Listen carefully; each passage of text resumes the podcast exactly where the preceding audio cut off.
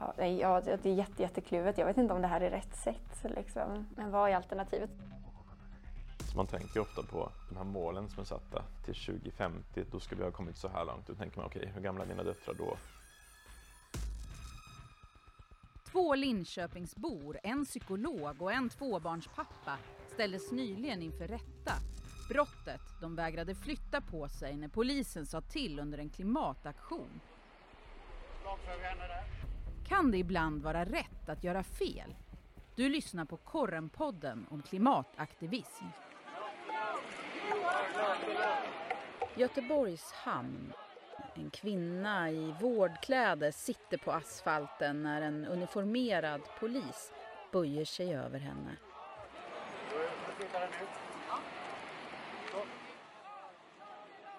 En grupp klimataktivister har blockerat in och utfarterna i hamnen för att protestera mot fossilindustrin.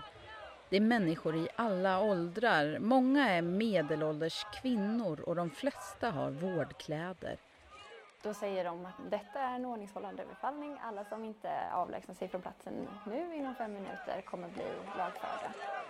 Nu vänder sig polisen mot Malin Ivarsson från Linköping. Hon är psykolog och beskriver sig som konflikträdd till vardags.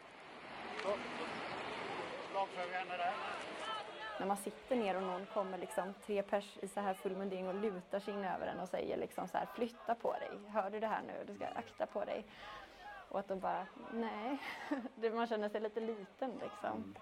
Det är jätteläskigt. Men du, du har aldrig någonsin tvekat att göra det? Jo, varje gång. Ja, jag har lite ont i halsen. För Malin började med ekologiska bananer second hand, ett bolån i en hållbar och etisk bank, fast räntorna var dyrare där. Ett tag tyckte hon att det räckte. Men så gick en kollega en kurs på folkhögskolan om klimataktivism och hon berättade om olika aktioner hon varit med på. Malin fick frågan en gång, kan du vara med? Malin kunde inte, men frågan stannade kvar. Så gick hon på en föreläsning. Det var en person från organisationen Extinction Rebellion som genomför olika klimataktioner med inslag av civil olydnad. Han berättade om hur många djur som dör, hur många översvämningar det är och sa sen Vad väljer ni att göra med det ni nu vet? Och då kunde Malin inte värja sig längre. Kommer polisen och griper in och bär bort. Kvinnorna sitter på asfalten vid en av infarterna till Göteborgs hamn. De flätar ihop sina händer och den ena tittar polisen djupt in i ögonen när hon svarar. Förlåt polisen, jag vill inte förstöra er dag. Jag har eh, provat alla lagliga medel och nu provar jag det här. Det är, det är så sjukt, det är så galet och det är så kriminellt. Ja. Ställer du frivilligt? Nej. Polisen nickar lugnt, gör ett tecken till två kollegor som långsamt går fram och tar tag i kvinnan och bär bort henne. Och inför den här aktionsveckan hade de som var i kontakt med polisen fått höra så att men i år så kommer ni lagföras för sabotage direkt. Så det gjorde att jättemånga blev jätterädda för folk har barn och kan inte sitta i fängelse för sabotage.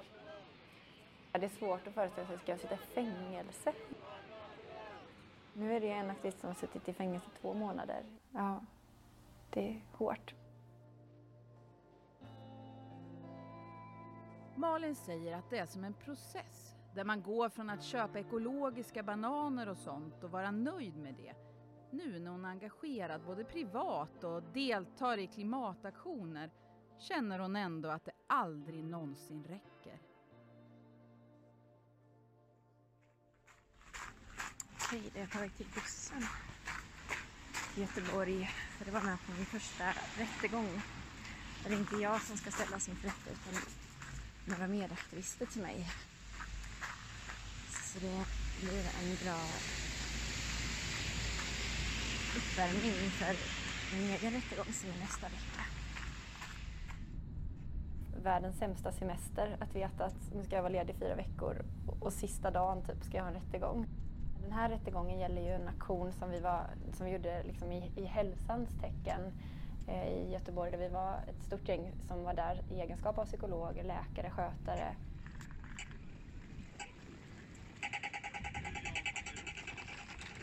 Vad har du för inställning till Ja, jag kommer säga att jag liksom vidkänner att jag var där och att det liksom stämmer att jag satt kvar och sådär och att jag hörde att jag inte flyttade på mig men att jag inte ser det som ett brott utan att jag ser liksom politikernas icke-handlande som ett brott och, och hävda nödrätt som också är något jag har läst på om mycket. Så om det liksom råder nöd och myndigheterna inte agerar liksom som de ska. Då har jag kommit till Göteborg för att vara med på min första rättegång.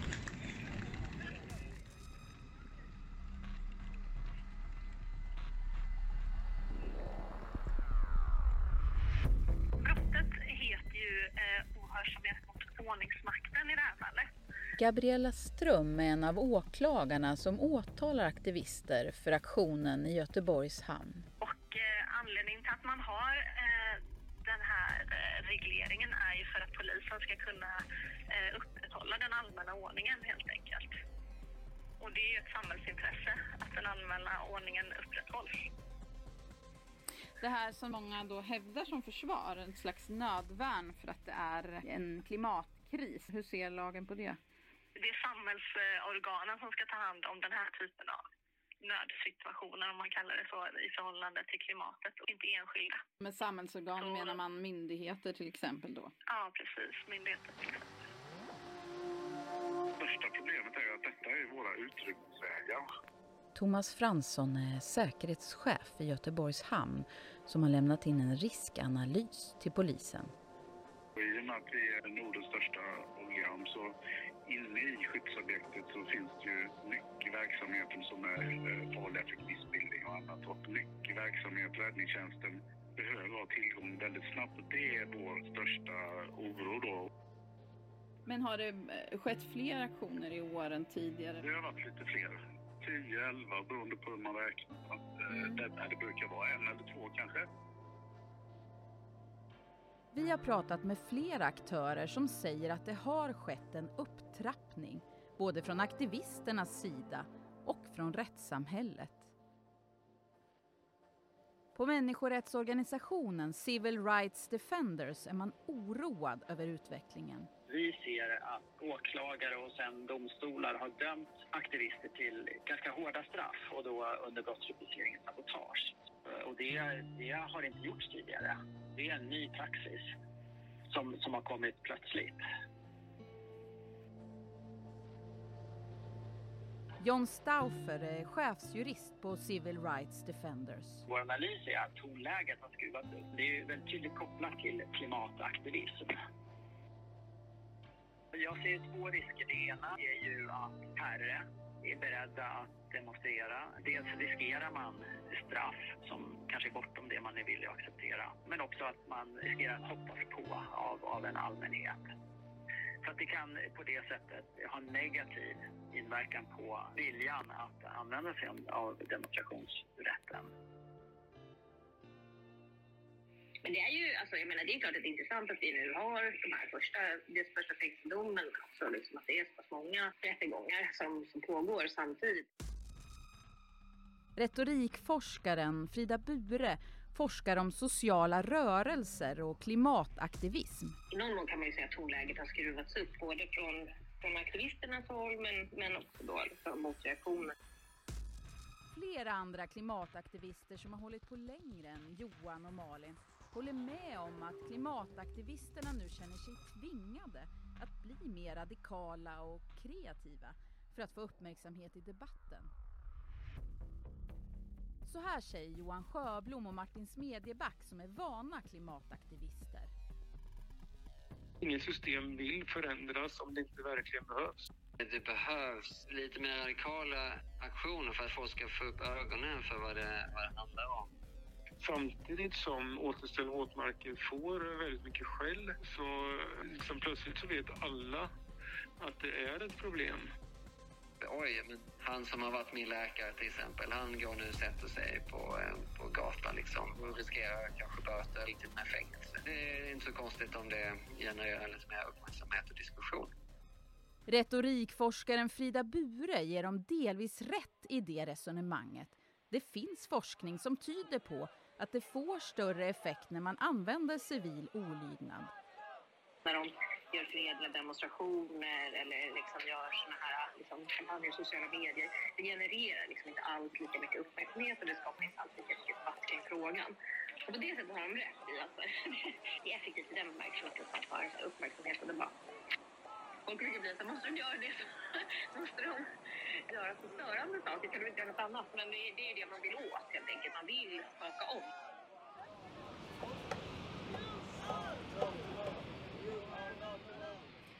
De här människorna är ju... Jag hävdar ju att de är väldigt modiga då. Fredrik Dahlgren är ansvarig för dialogpoliserna i polisområde väst. Jag är inte ute efter för att förstöra för dem, utan jag underlättar. Han jobbar den här dagen när infarterna till Göteborgs hamn blockeras av klimataktivister. Men jag menar att jag gör det så bra som möjligt i den situationen vi har. Där man på ett vettigt sätt kan få uttrycka sitt eh, budskap. Iklädd gul väst och med kommunikationsradion ständigt redo rör han sig fram och tillbaka mellan uniformerade poliskollegor, klimataktivister och arga lastbilschaufförer. En där blir ju jävligt arga om jag får prata ren svenska då. Och det, man försöker ju förklara för dem också, men de kanske inte riktigt... Men för många är det ju att förklara helheten. Det grundlagsskyddade. Rätten att demonstrera är stark i Sverige. Även om man saknar tillstånd och stör omgivningen och trafiken har man rätt att framföra sitt budskap. Det står i grundlagen, regeringsformens andra kapitel. Men så finns det en gräns. Och just den här dagen i Göteborgs hamn går gränsen efter exakt 50 minuter. Det är från eh, vid varje tillfälle. Så det finns inget man kan säga, ja det är alltid så när man är i Göteborg och på den platsen så är det 50 minuter. Utan vad polisen ska ta ställning till det är ju hur är till exempel trycket på, alltså hur många långtradare står på kö, hur många är det som passerar och som måste åka in, alltså vad blir trycket, hur blir påverkan på Göteborgs hamn? Efter 50 minuter förvandlas de grundlagsskyddade demonstranterna plötsligt till brottslingar. Ja, det är en rätt så stor polisstyrka som är här. Ibland tycker jag, ibland de, de, är de här som säger, "Ja, varför ska de gå här och, och störa den, den allmänna ordningen? Nej, men liksom att göra det här eller det här. Jag tror att det är nyttigt att man får sig en tankeställare. Det finns folk som kommer hit som, som kommer från länder där man absolut inte får uttrycka sin åsikt eller tycka annat än den som styr. Så att eh, det är väldigt viktigt att vi har det här. Johan Roxberg från Linköping vet numera hur det känns att bli inlåst i en cell. Det var ingen av aktivisterna som hade räknat med det och både Johan och hans anhöriga blev rätt chockade, berättar han. Alla de här eh, häktesrutinerna. Man ska skriva in blankett när man vill någonting, när man ska trycka på en knapp på vägen man vill gå på toa. Man fick gå en promenad om man ville och då var det en liten rastgård i en bur. Där man gick några meter fram och några meter bak. Det var väldigt konstigt alltihop. Man, man fick ju lite panikkänsla ibland men eh, då fick man tänka på någonting annat och trycka tillbaks det där. Hej! Ja, vill du ha en kaffe? Jag tänkte att du säkert lite frukost. Ja.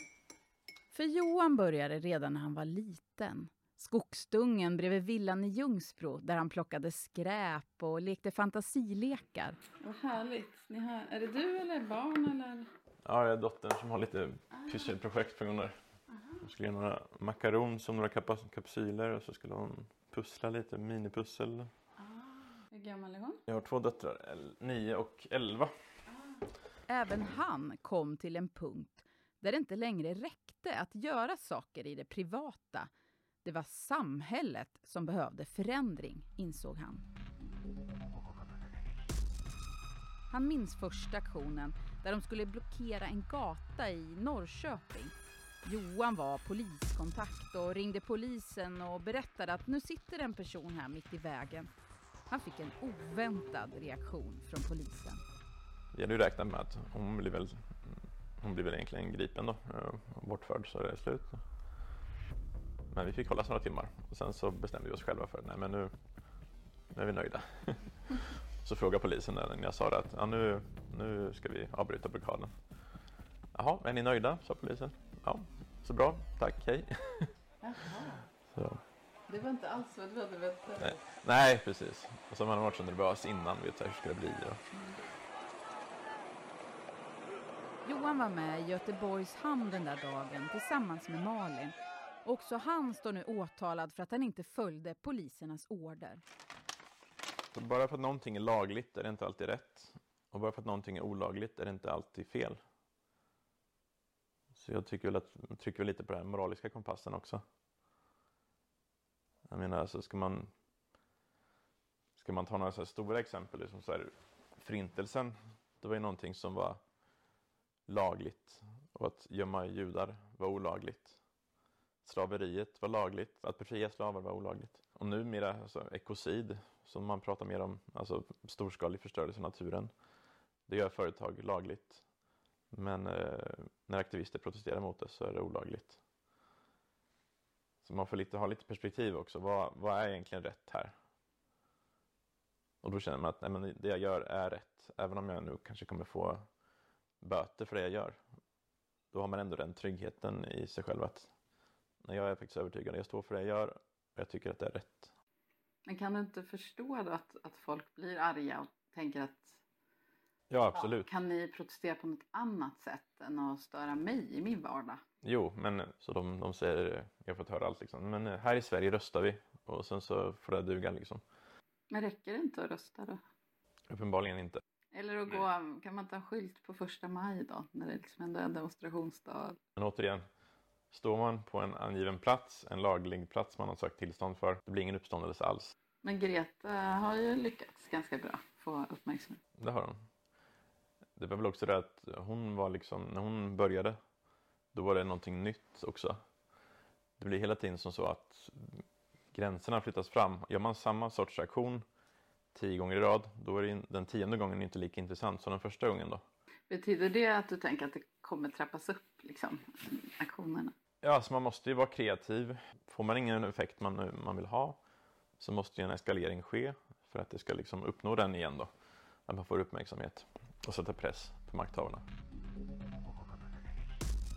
Du har hört Korren-podden om klimataktivism producerad av mig, Tina Enström. Reporter var också Claes Nilsson. Utöver Korrens egna inspelningar hörde du också bakgrundsljud som aktivister har spelat in från aktionerna. Ansvarig utgivare är Christer Kustvik. Du hittar mer om klimataktivism på korren.se.